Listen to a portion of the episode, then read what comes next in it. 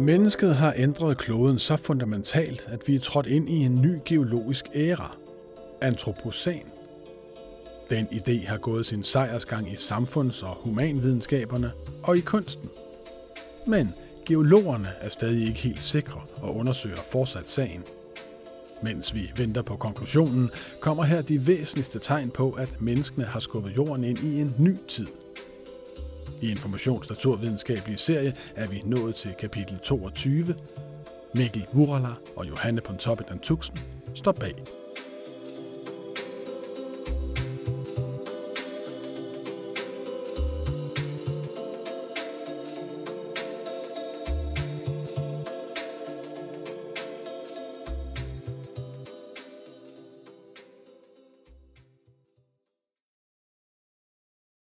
De færreste havde nok forudset, at både popalbum, podcast og poesi ville få navn efter et geologisk koncept, som en ældre herre udslyngede ved et symposium tilbage i år 2000.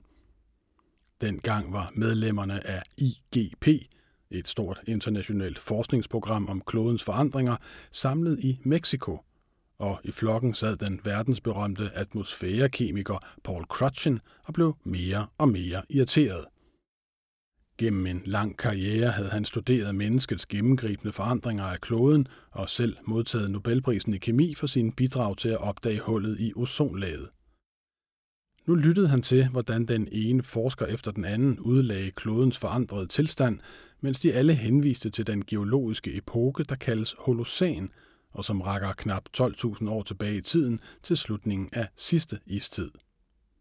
Det begyndte at gå Crutchen på naverne med alt det Holocæn – de fleste af forandringerne, som forskerne talte om, havde fundet sted for ganske nylig, på få hundrede år. På et tidspunkt fik Crutchen nok, rejste sig og afbrød de andre. Vi lever ikke længere i holocen, sagde han. Vi lever i... Crutchen gik i stå, ledte efter det rette ord. Antropocen. Nok havde mange før ham foreslået, at mennesket havde forandret planeten i en grad, så den var trådt ind i en ny geologisk epoke, men denne gang og under dette navn tog det fart. Begrebet spredte sig fra naturvidenskabelige kredse til humanisterne, til politikerne og til kunstnerne.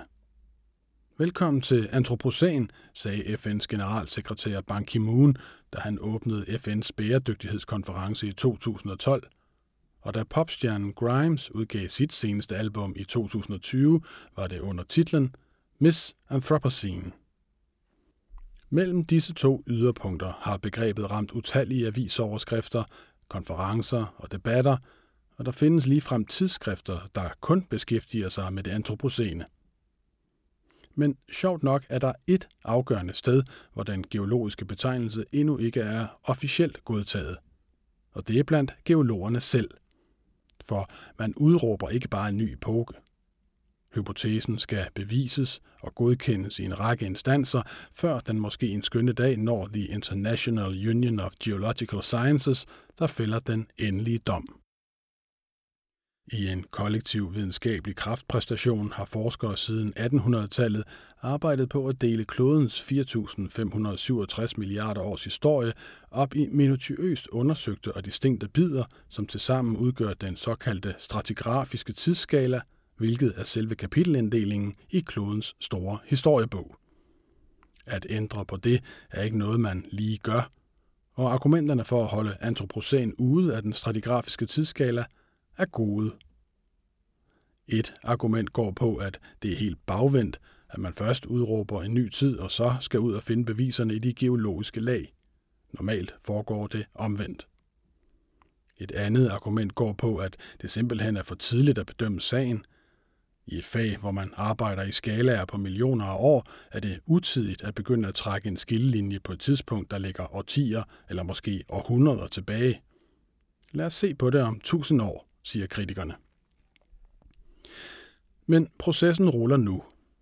Blandt de officielle geologiske udvalg findes et, som har ansvaret for kvartertiden, altså de seneste 2,8 millioner år, og de har nedsat et underudvalg, The Anthropocene Working Group, der til en start skulle lave det geologiske benarbejde for at bedømme ideens gyldighed.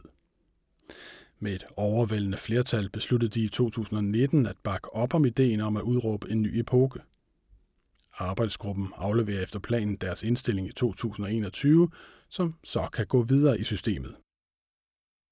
Mens vi venter, kommer her en ultrakort indføring i, hvad det er for blivende aftryk, som menneskets kolossale og potentielt epokale forandring af planeten sætter i jorden. Velkommen til Antropocen for begyndere. Oprindeligt forestillede Paul Crutchen sig, at det antropocene skulle begynde ved industrialiseringen omkring år 1800, hvor mennesket for alvor begyndte at futte fossile brændstoffer af. Men da geologerne har brug for et tydeligt, globalt og samtidigt signal, der kan ses i klippelagene, for eksempel det, som aftegnede sig, da en asteroide ramte jorden for 66 millioner år siden, måtte de droppe industrialiseringen. Den var for regional og gradvis. I stedet valgte forskerne i den officielle antropocene arbejdsgruppe at søge et begyndelsespunkt midt i 1900-tallet ved det, man kalder den store acceleration. Nok har mennesket altid forandret deres omgivelser. Brændt skov af og udryddet dyr. Men fra 1950'erne tager det for alvor fart. Og kigger man på data i stor skala, er det tydeligt, hvordan en masse kurver begynder at stikke af netop der. Befolkningstal, energiforbrug, vandforbrug, gødningsforbrug. Det hele stiger eksplosivt og fortsætter bare. Og samtidig begynder en række forandringer i klodens systemer – Indholdet af CO2 og metan i atmosfæren stiger, og det samme gør temperaturen. Havet bliver surere, arter uddør i rekordtempo, og de tropiske skove ryddes.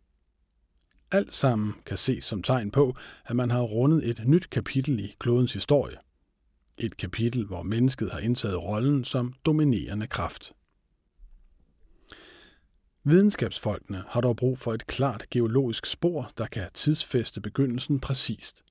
Og her kommer en anden af menneskets utrolige frembringelser på banen. Atombomben. De første atombomber var trods deres absurde ødelæggelseskraft for små til at sætte et globalt aftryk. Men i 1952 pulveriserede amerikanerne den lille stillehavsø Elliot Lab med verdens første brintbombe – og eksplosionen var så kraftig, at små mængder radioaktivt materiale dryssede ned over hele kloden, og altså burde være synligt i de geologiske lag i 100.000 år. Frem til 1963 blev der sprængt mere end 500 atombomber i jordens atmosfære. Derfor søges der nu efter et kraftigt radioaktivt spor på 10 udvalgte steder, fra Kanada over Karibien og Schweiz til Antarktis. Her gennemsøger forskere mudderlag, rev og is for at finde lige præcis det signal, der skal indstilles som det formelle begyndelsespunkt for antropocen. Radioaktive spor udgør dog kun en lille del af det geologiske aftryk, som mennesket har sat. Siden bakterier begyndte at frigive ilt for 2,5 milliarder år siden, og jordoverfladen rustede, er der ikke sket det store på mineralfronten. Jo, Døde træer dannede enorme lag af kul i jorden, og skeletter fra små alger dannede store lag af kridt. Men det er sjældne højdepunkter. Der findes 5.000 naturligt forekommende mineraler på jorden, de fleste i ganske små mængder, og naturen har det med at kombinere sig i samme mønstre og strukturer. Lige indtil mennesket kom forbi. Vi har pt. skabt 193.000 nye minerallignende stoffer, et af dem er plastik, som vi har produceret omtrent 9 milliarder tons af, og allerede smidt 6 milliarder tons ud af. Der er så meget plastik overalt, at det selv i dybhavet og på fjerne strande langsomt indlejres i de geologiske lag. Også aluminium er et tegn på mennesket. Før vi begyndte at smelte ting, eksisterede aluminium kun i kombination med andre stoffer, men nu har vi udvundet og isoleret nok til at dække USA med sølvpapir. Der er også de nye typer sten, som keramik, mursten og selvfølgelig de 500 millioner ton beton, der er blevet placeret rundt omkring på jorden, særligt i byer, som i sig selv er nye stenstrukturer på kloden. Gennem tiden har vi flyttet rundt på 30.000 milliarder ton materiale, hvilket svarer til, at man kunne lægge 50 kilo på hvert eneste kvadratmeter på hele kloden. Kigger man i klippemateriale afsat over den seneste halve milliard år, er der ofte spor af liv. Fossiler i stenene fortæller også om klodens historie, og flere geologiske epoker skiller der, hvor livet ændrer sig, som ved masseuddøen.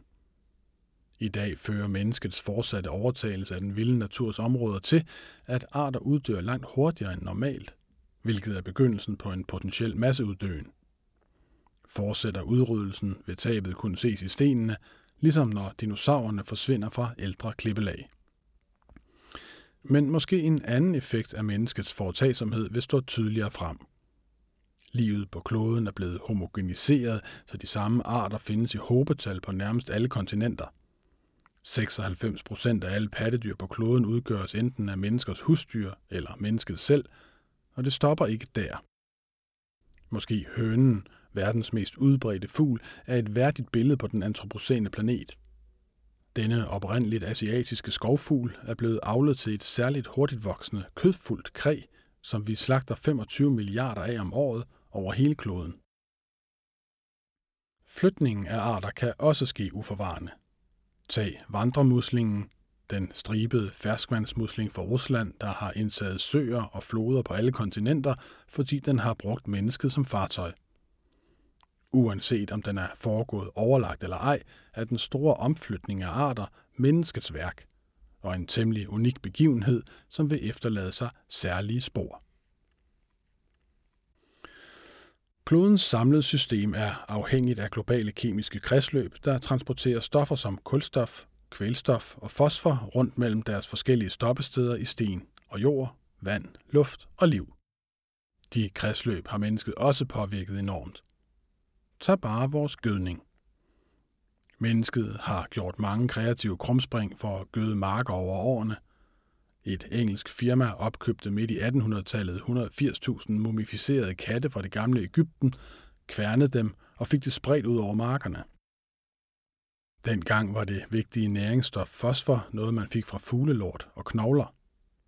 På samme vis kom kvælstof for det meste fra afføring, og der var trods alt begrænsede mængder at tage af lige indtil mennesket opfandt en måde at udvinde kvælstof fra jorden og fosfor fra miner, og så kunne landbruget brødføde en hastigt voksende befolkning. Fra et menneskeligt perspektiv er det en vild succeshistorie, men den slags går ikke ubemærket hen i klodens kredsløb. Store mængder næringsstoffer føres i dag fra menneskets marker og ud i havet, hvor algerne blomstrer og forårsager ildsvind, som slår det meste liv ihjel og skaber såkaldte døde zoner. Det vil kunne ses i fremtidens geologiske lag, men ikke nødvendigvis på hver en plet. Det kan de kemiske spor fra menneskets afbrænding af fossil brændstof til gengæld. Det har ført enorme mængder CO2 til kulstofkredsløbet, og selve sammensætningen af kulstof i atmosfæren er anderledes end før, da der er en overvægt af noget, som hedder kulstof 12 i de ting, vi futter af. Den nye sammensætning af kulstof bliver nu lagret i træernes årringe og muslingeskaller og koraller, der havner som fossiler i aflejringer på havets bund, som et postkort fra nutiden til fremtiden. Ved siden af disse let forandrede muslingeskaller ligger også flyveaske fra afbrændingen af kul. Det kan findes over hele kloden. En anden effekt af menneskets CO2-udledning er opvarmning af kloden, som sandsynligvis også vil kunne ses i fremtidens geologiske spor. De er dog først lige ved at blive afsat. For nok er CO2-niveauet i atmosfæren i dag det højeste i 800.000 år, men temperaturen er endnu ikke højere, end den var mellem andre af de mange istider, der er gået forud for den seneste. Alt det ser vi på i de næste mange artikler, hvor vi forklarer klimaet forfra.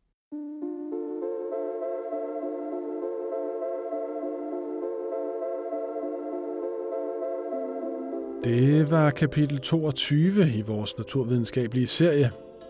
Hvis du har lyst, må du meget gerne gå ind og tildele os nogle stjerner, og måske endda skrive en lille kommentar derinde, hvor du lytter til din podcast. Serien hedder Vi fortæller naturvidenskaben forfra, og den er støttet af Carlsbergfondet.